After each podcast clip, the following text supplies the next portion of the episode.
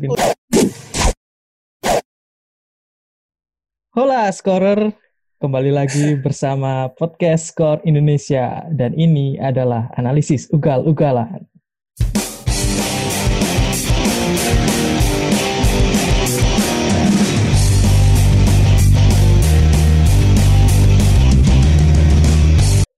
Dalam edisi ugal-ugalan kali ini masih bersama saya Torik yang nggak suka bubur diaduk. Saya nggak sendiri, saya masih hidup bersama rekan saya Saya Fahmi yang nggak suka bakso isi keju. kami kami nggak berdua sekarang ya.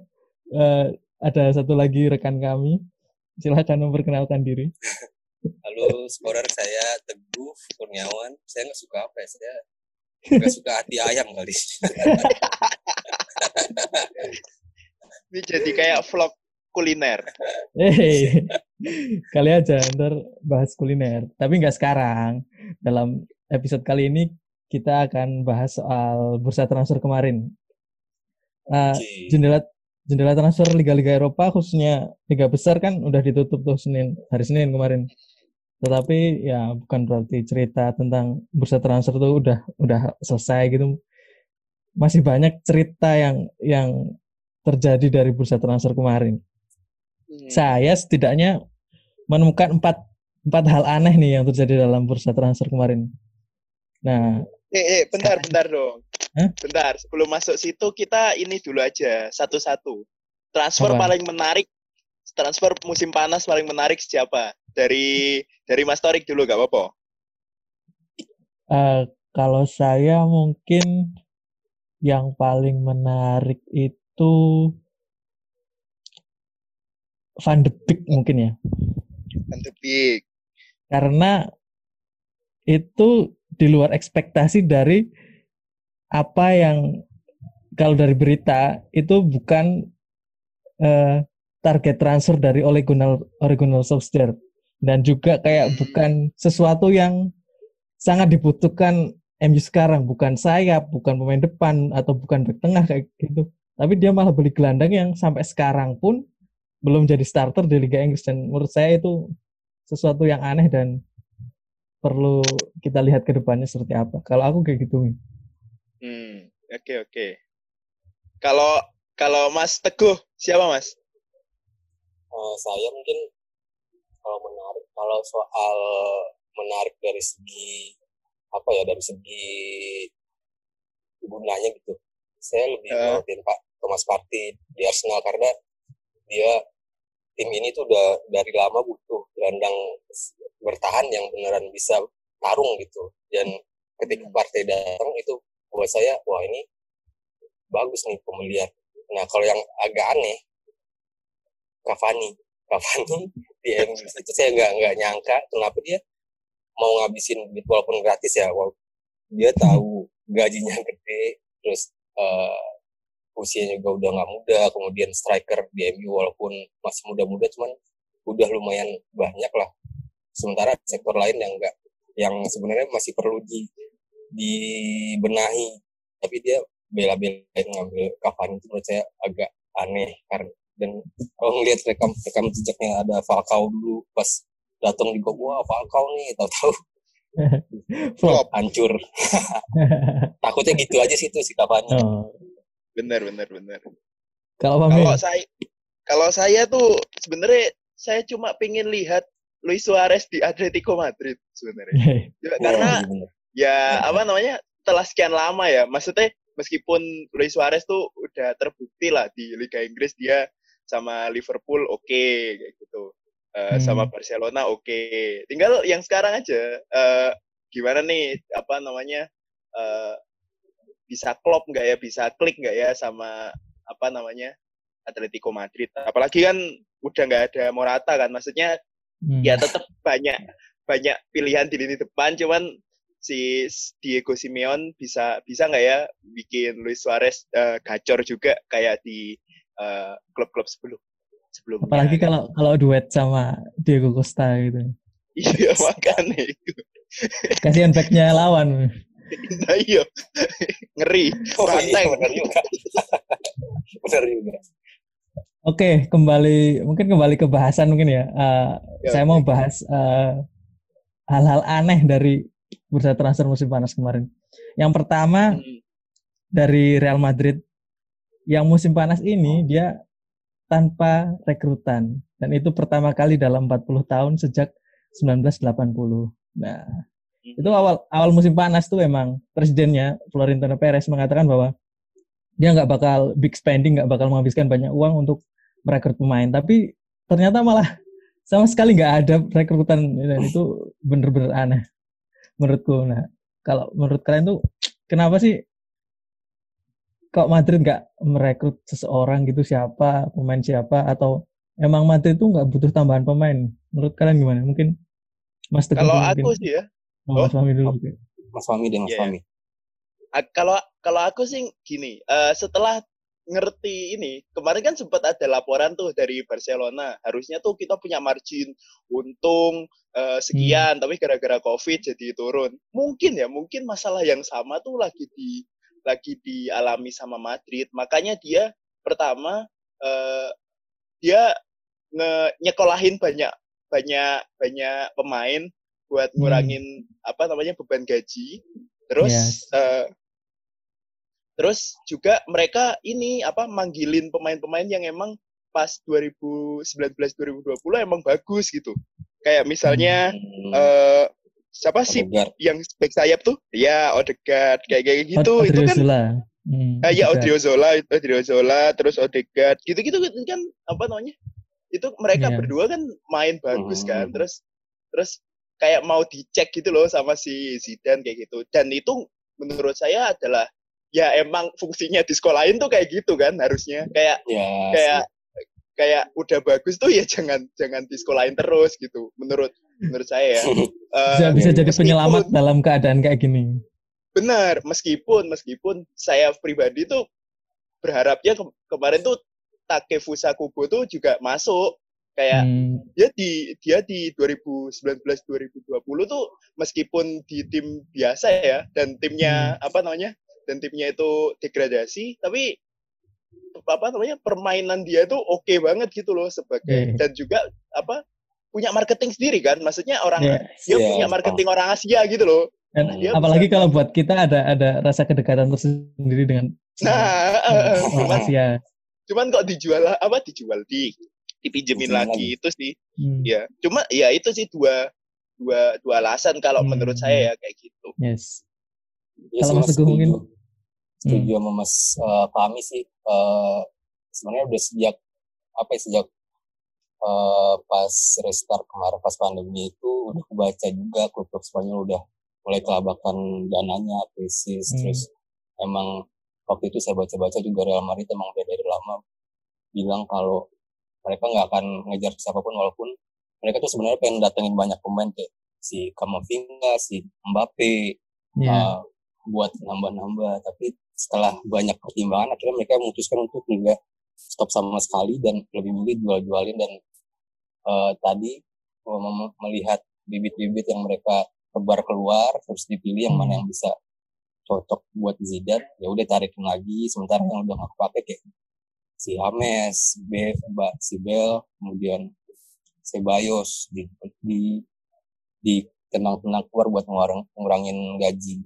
Jadi sih hmm. emang walaupun saya sih uh, ngeliatnya mereka pengen sih pengen datengin terutama setelah ngeliat permainan di awal-awal kan nggak terlalu bagus ya Madrid kayak hmm. susah banget ngegolin mau dilihat ke cadangan lah ini lagi orang-orang yang nggak ada yang sedih jadi kayak emang emang butuh opsi tapi kan ya begitu uh, krisis finansial ternyata bisa ngalahin klub sebesar Madrid juga ternyata juga apa melepas banyak pemain Gabriel, Reguilon, James iya, Rodriguez, iya.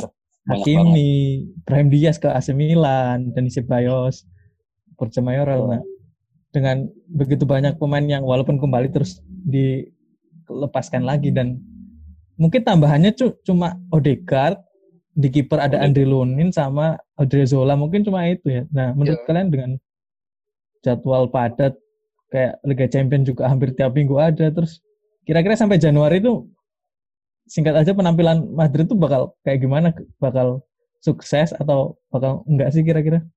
Ini faktornya cuma satu sih kalau Madrid tuh kayaknya ya cedera. Hmm. Kayak kalau nggak hmm. banyak yang cedera itu iya benar. Kayak aku sih yakin ke, kedalaman skuadnya tuh udah cukup kayak gitu. Kalau nggak salah udah 23 atau 24 pemain kan. Itu wis hmm. udah udah apa namanya udah oke okay banget gitu. Jadi sebenarnya aman kayak gitu ya sampai Januari paling. Sebenarnya aman, cuman kan apa yang nggak iya. di yang nggak dinyangka kan si siapa namanya Carvajal sama si uh, Odriozola kan eh oh. apa apa cedera kan? Dia nggak oh. punya.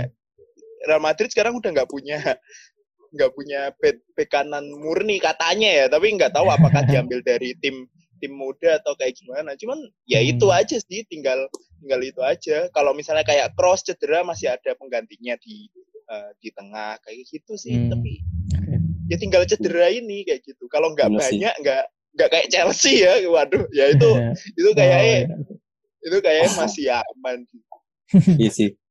Kalau saya juga ngelihatnya Madrid untuk Liga Domestik masih aman. Untuk Liga Champions hmm. masih bisa lah untuk lolos ke grup atau saing-saingan di atas. Cuman ya itu tadi hmm. kalau misalnya ada yang cedera, apalagi itu yang cedera pemainnya penting, ya udah. Ada ribet sih mereka. Karena jadwal musim ini kan padat banget kan. Gila Kayak sih. Bener. Champion, terus Piala Domestik, terus Liga Domestik kan. Hmm. Kalau Ya kalau saya pribadi emang selain karena jelas krisis dana karena pandemi, terus nomor dua itu sebenarnya Madrid sedang renovasi stadion mereka Santiago Bernabeu. Ya, jadi ya. memang butuh uang banyak dan mereka juga karena hal itu mereka juga memanfaatkan jadi bermain di stadion tim B mereka kan.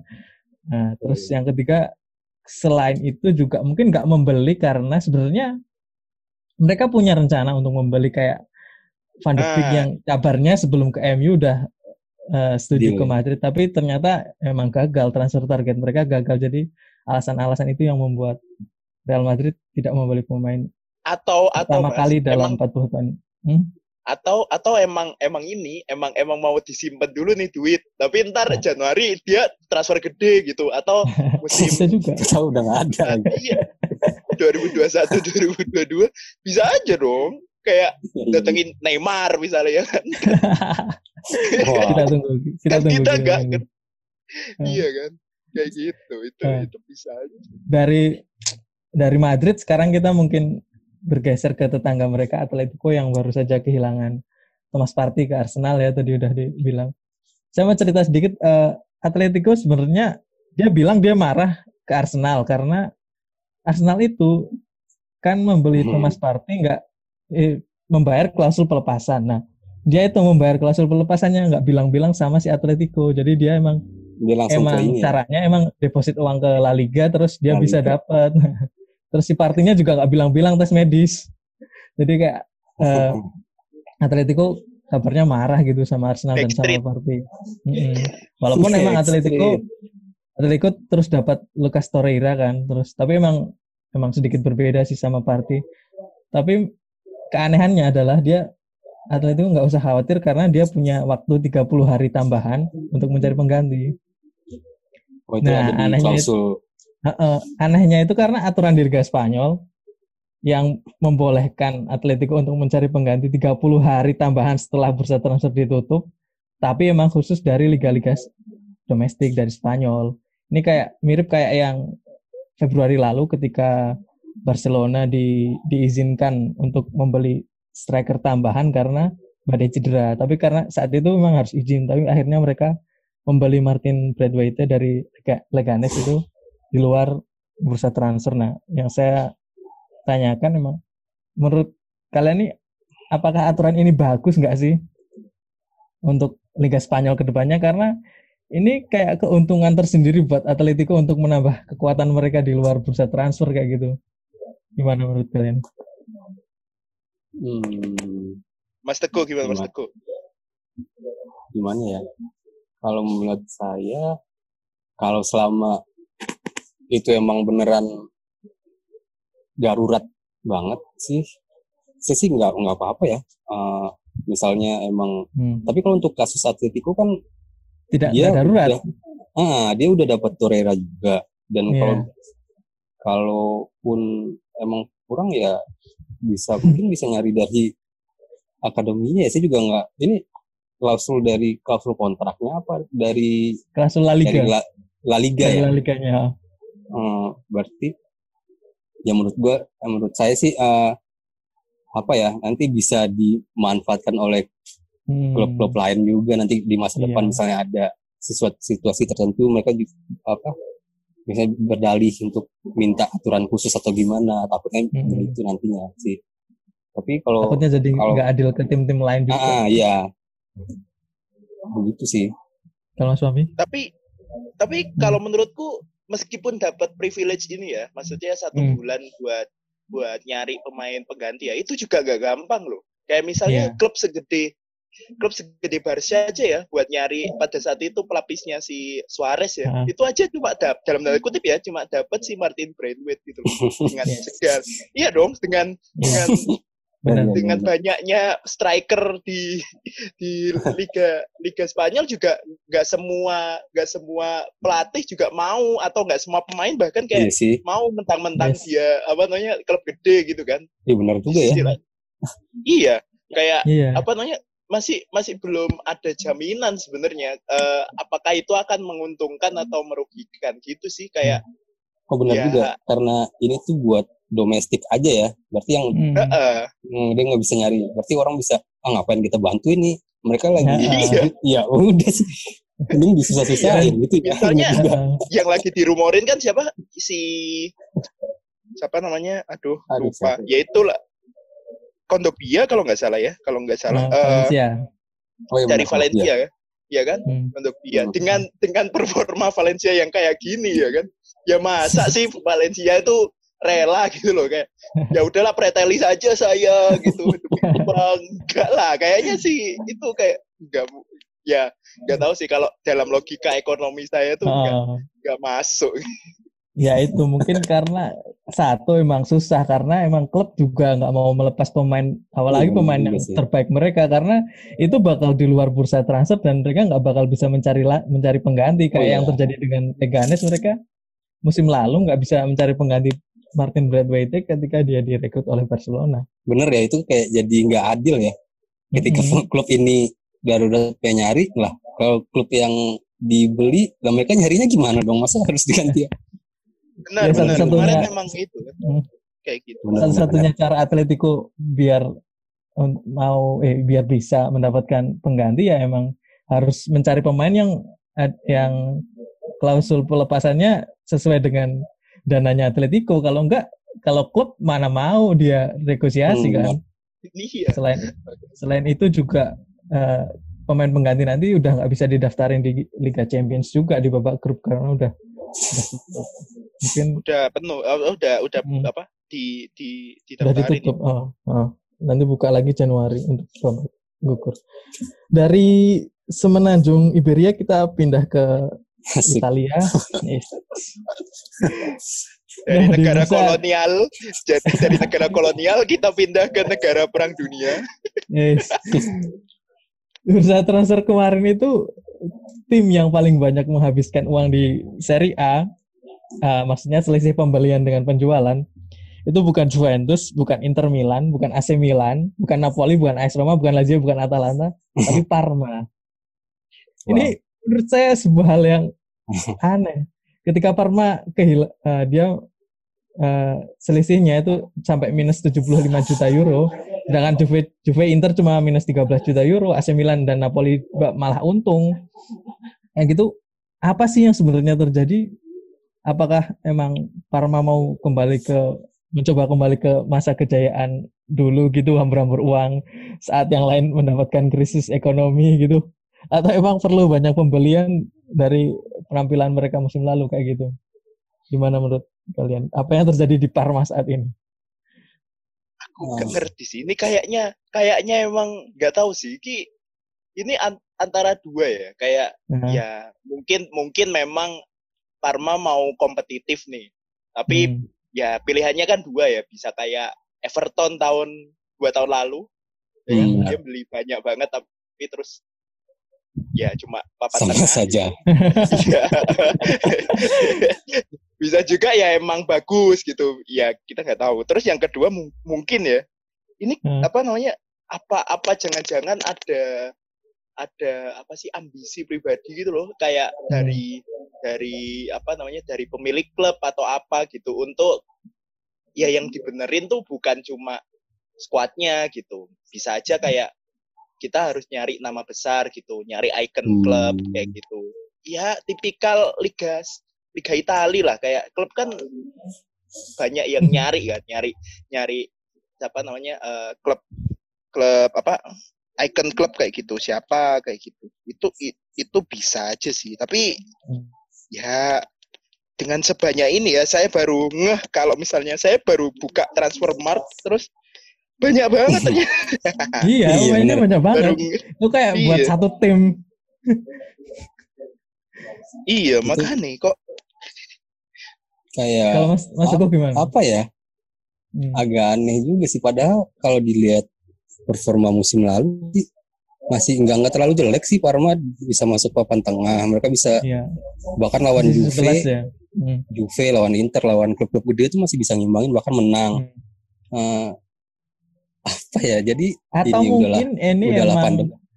atau ini emang apa namanya emang perencanaan keuangan mereka yang nggak sebagus tim-tim besar hmm. mungkin nggak bisa bisa jadi sih bisa jadi soalnya apa mereka nggak terlalu uh -uh.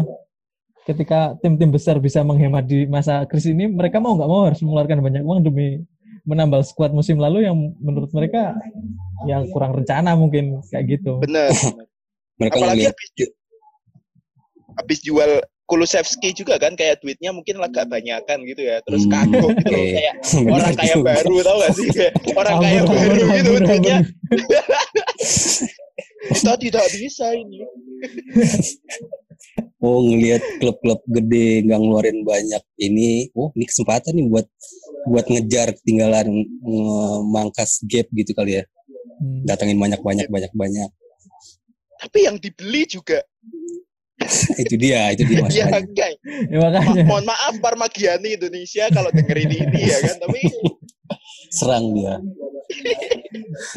Emang tapi emang bukan kalau soal pengeluaran emang bukan yang terbesar cuma selisihnya emang yang mm -hmm. terbesar menurutku Benar, iya, emang iya. emang ini karena kebutuhan aja sih karena yang dibeli tadi itu bukan pemain-pemain besar yang dengan nama besar cuma selain mempermanenkan Roberto Inglese nah, transfer lainnya itu di bawah 10 juta euro semua benar, benar dan itu aneh aja menurutku kayak pas pandemi gini malah menghambur-hamburkan uang. Kalau bukan kebutuhan ngapain? Kayak gitu kan.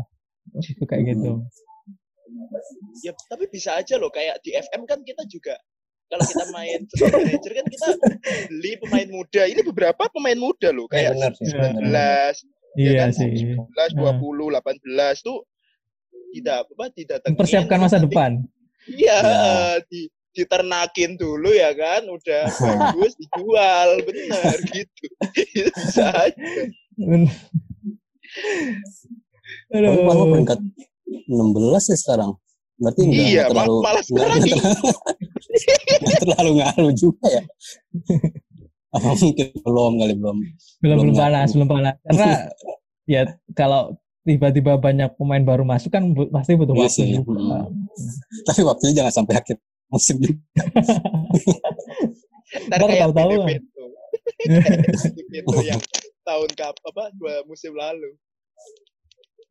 Oh iya, benar. Hmm. ya kita lihat kita lihat aja ntar Parma uh, mungkin Parma. setelah setengah musim nanti mungkin udah mulai menyatu nanti seperti apa penampilan mereka. Eh bentar, Dari, bentar. ngomong, hmm. bentar, bentar, bentar. Ngomongin hmm. Liga Italia, saya pingin ber, apa pendengar tahu sih. Kalau saya senang banget Sassuolo main bagus banget. Iya. Ada emang pendukung Sassuolo emang. Saya udah tahu itu. Loh, tapi tapi serius kayak yeah. di antara klub-klub yang papan atas sekarang ya, maksudnya di hmm. lima lima pekan pertama Sassuolo hmm. emang sangar banget sih kayak ini yeah. ini ini bisa kayak jadi Atalanta tahun lalu gitu kayak kontis apa namanya Iya loh, susah loh ngalahin Sassuolo yang. Tapi udah dari musim kayaknya. kemarin sih ya mas. Iya. Gila iya, tapi, Gila. Iya, iya. Mungkin musim ini bakal bisa jadi puncaknya nggak tahu juga. Liga Eropa tahun depan lah bisa ini kayaknya. Kayaknya iya. mereka juga belinya lumayan sih kayak Devrel dari AS Roma kan, uh, Cirices, nah Romagna kayak gitu kayak gitu mungkin emang nambal kalau lini depan mereka kan udah keren tuh. Udah keren iya. Nah, kayak Caputo dan lain-lain. Jadi kayaknya musim ini bisa sih dengan tambalan-tambalan baru kayak kan ah kan Aihan juga itu yang dari Düsseldorf hmm. Turki Turki apa Jerman yeah. Turki Jerman tim-tim gurem udah pada mulai bisa belajar kali ya sekarang yes.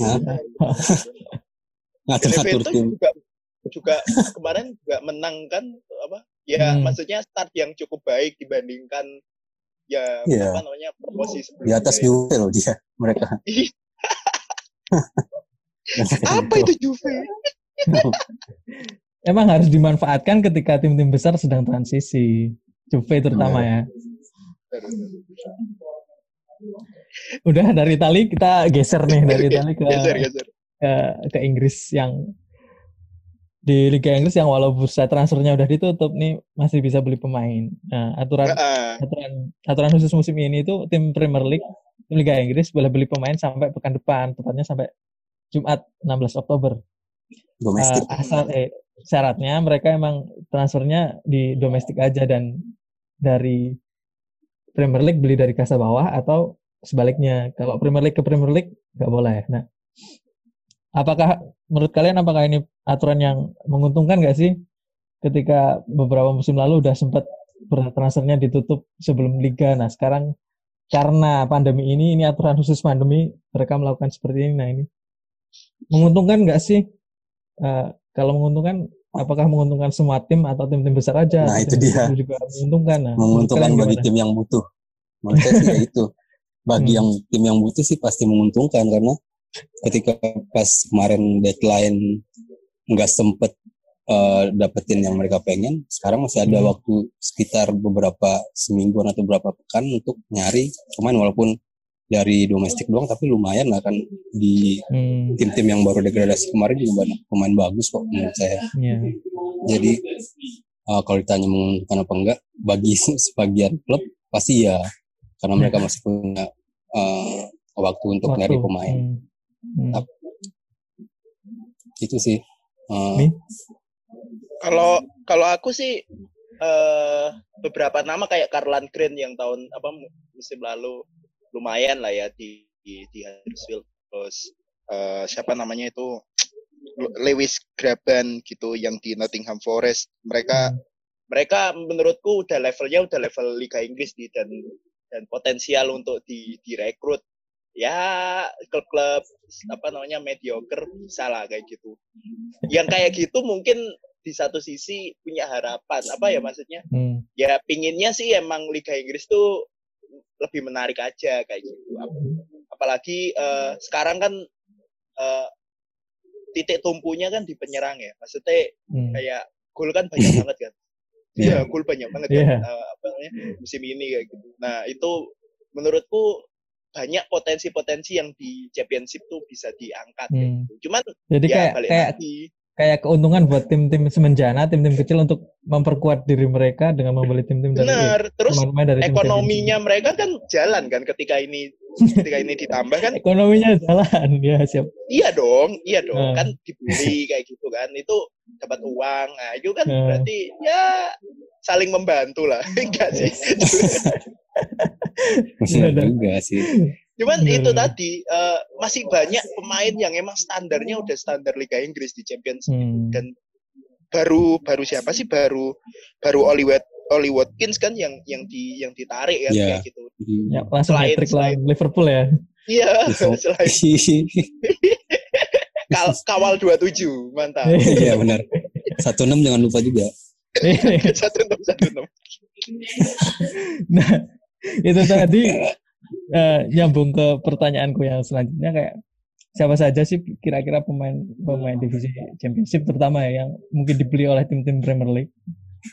Kira-kira Kalau aku sih itu. Hmm. Kayaknya, sih kayaknya ya. Pemain Karlan dari... tuh harus ku aku hmm. seneng banget uh, ngelihat ngelihat apa namanya cuplikannya nyari-nyari ya. Iya loh, aku ngelihat culik culikannya Huddersfield gitu. dan, dan dia dia salah satu yang dia kalau ketemu apa ya, ketemu ketemu apa dengan tim yang sekarang tuh sebenarnya udah klop gitu dan dan Huddersfield tuh hampir kan hampir hampir apa punya potensi buat buat buat musim. promosi kan sebenarnya hmm. musim musim lalu kayak gitu. Hmm. Said Ben Rahma tuh udah di udah dibeli kali ya? belum sih? Belum belum sih kayaknya. Belum kan? Ya itu juga juga. Nah itu juga bagus sih. Hmm. Iya dari Brentford nah. nih banyak yang bagus. Kirain udah udah ada yang dapet gitu ternyata belum ya. belum. Di sana dia. Nah. Iya.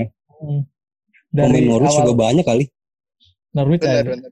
Pertama yang... itu uh, Max Aaron yang katanya iya. sempat diinter oleh Barcelona. Iya, iya. Munchen, buset. Ngeri, ngeri.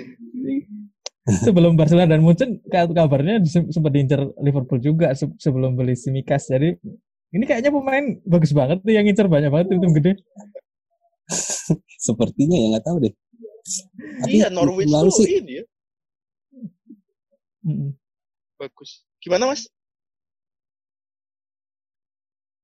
Um, Max Aaron musim lalu musim lalu nggak bagus sih, cuman nggak terlalu wah sampai Barcelona dan Bayern sampai rebutan gitu loh maksudnya di Inter klub gede banget gini maksudnya Sampai kayak malah malah kayak aja. Kayak, wow. Kayak aneh gitu loh kok bisa bisa iya.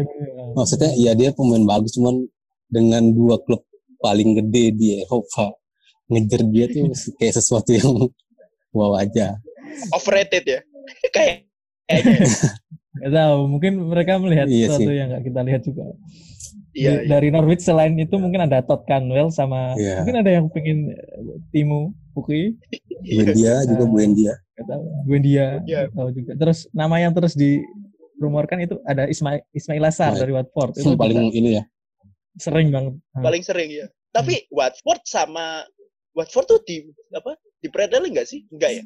Cuma pre, cuma Bournemouth ya yang ya, ya Bournemouth yang kena banget. itu yang udah dibeli yang Dokore, Dokore dibeli ya, Dokore. Everton. Everton. Nah itu doang kayak. Ah. Kalau Bournemouth uh, masih ada Josh King, uh, David Brooks, mungkin itu.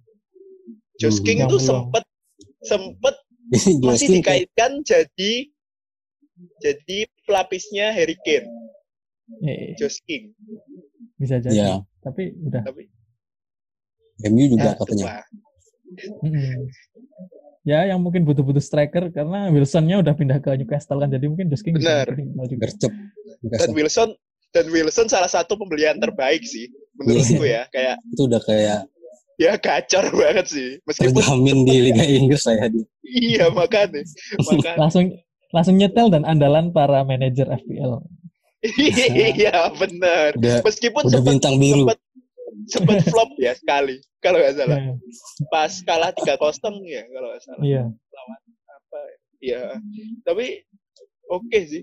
Ngambil penalti juga. Wah. Mm -hmm, dah itu idaman.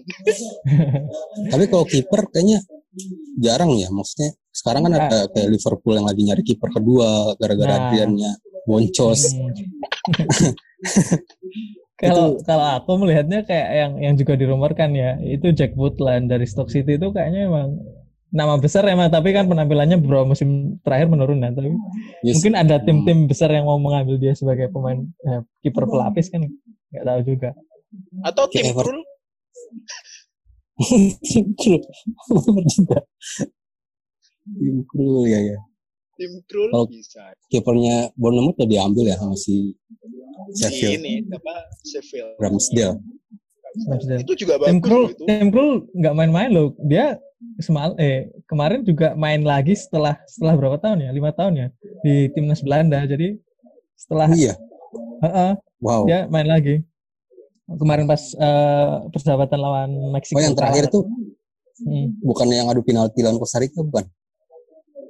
Ada Bukan, lagi setelah itu kali ya. Oh, kemarin lawan Meksiko kalah 1-0 penaltinya Raul Jimenez. Hmm. Nah itu tim Krul main lagi setelah kalau nggak salah tiga tahun atau lima tahun saya lupa. Tapi artinya dia masih dipercaya di timnas Belanda. Masa mainnya di divisi championship sih? Hmm, bisa. Mungkin ada ada tim-tim lain yang dan pengalaman di Piala Dunia, pengalaman di kasta tertinggi, jadi mungkin Ben bisa Foster. Di... Kipernya Watford. Iya, iya. Iya ya, benar ya. Iya, iya. Ben Foster. Kan lumayan juga deh. Mungkin kurang menariknya cuma dari sisi usia mungkin kalau Ben Foster. Oh iya. Tapi pengalaman wah dia sudah hmm. malang melintang. Peraih poin doang lumayan dia. benar, benar, Ya jelas aturan ini menurut saya emang uh, menguntungkan ya mungkin bagi tim-tim yang mereka pengen masih pengen jual pemain yang nggak di, yang nggak dipakai kalau iya, kurang yeah, masih bisa membeli lagi kayak gitu. Tapi tapi menurut menurutku kalau di kondisi normal itu hmm. kayaknya nggak penting sih. Kayak hmm. saya lebih suka dengan lebih apa lebih transfer yang lebih awal satu minggu. Ya, Karena ya. udah kelihatan gitu hmm. kayak oh kayak gini nih komposisinya kayak gitu dan apa ya nggak bertele-tele gitu loh kayak yang Liga Inggris kan salah satu yang ini kan hmm. salah satu yang paling banyak deadline buying tak kali ini kan kayak selain uh, MU ya di, Hmm, di deadline day. Fulham. Oh iya. Kayak ya. panik buying gitu ya. Iya, panik buyingnya tuh banyak banget gitu karena apalagi apa namanya nggak tahu sih kenapa kenapa jadi nggak nggak kelihatan lebih seru aja karena udah main udah ngecek ngecek oh ternyata masih kurang masih kurang hmm.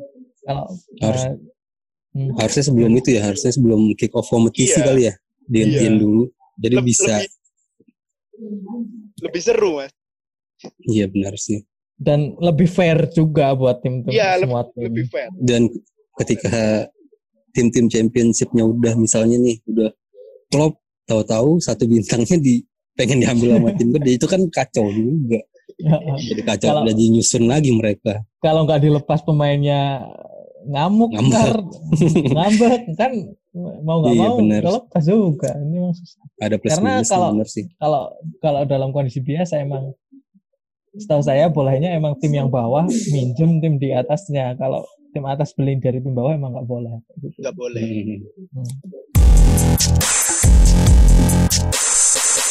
Terima kasih sudah mendengarkan podcast kali ini. Jangan lupa share kalau yang suka. Kalau nggak suka juga boleh share sih. Saran kritik langsung aja di Twitter kita ada @score Indonesia atau ke Instagram kita yang baru dapat centang biru ya. ya Skor eh Skor Indonesia juga. Sampai jumpa di edisi podcast Skor Indonesia selanjutnya.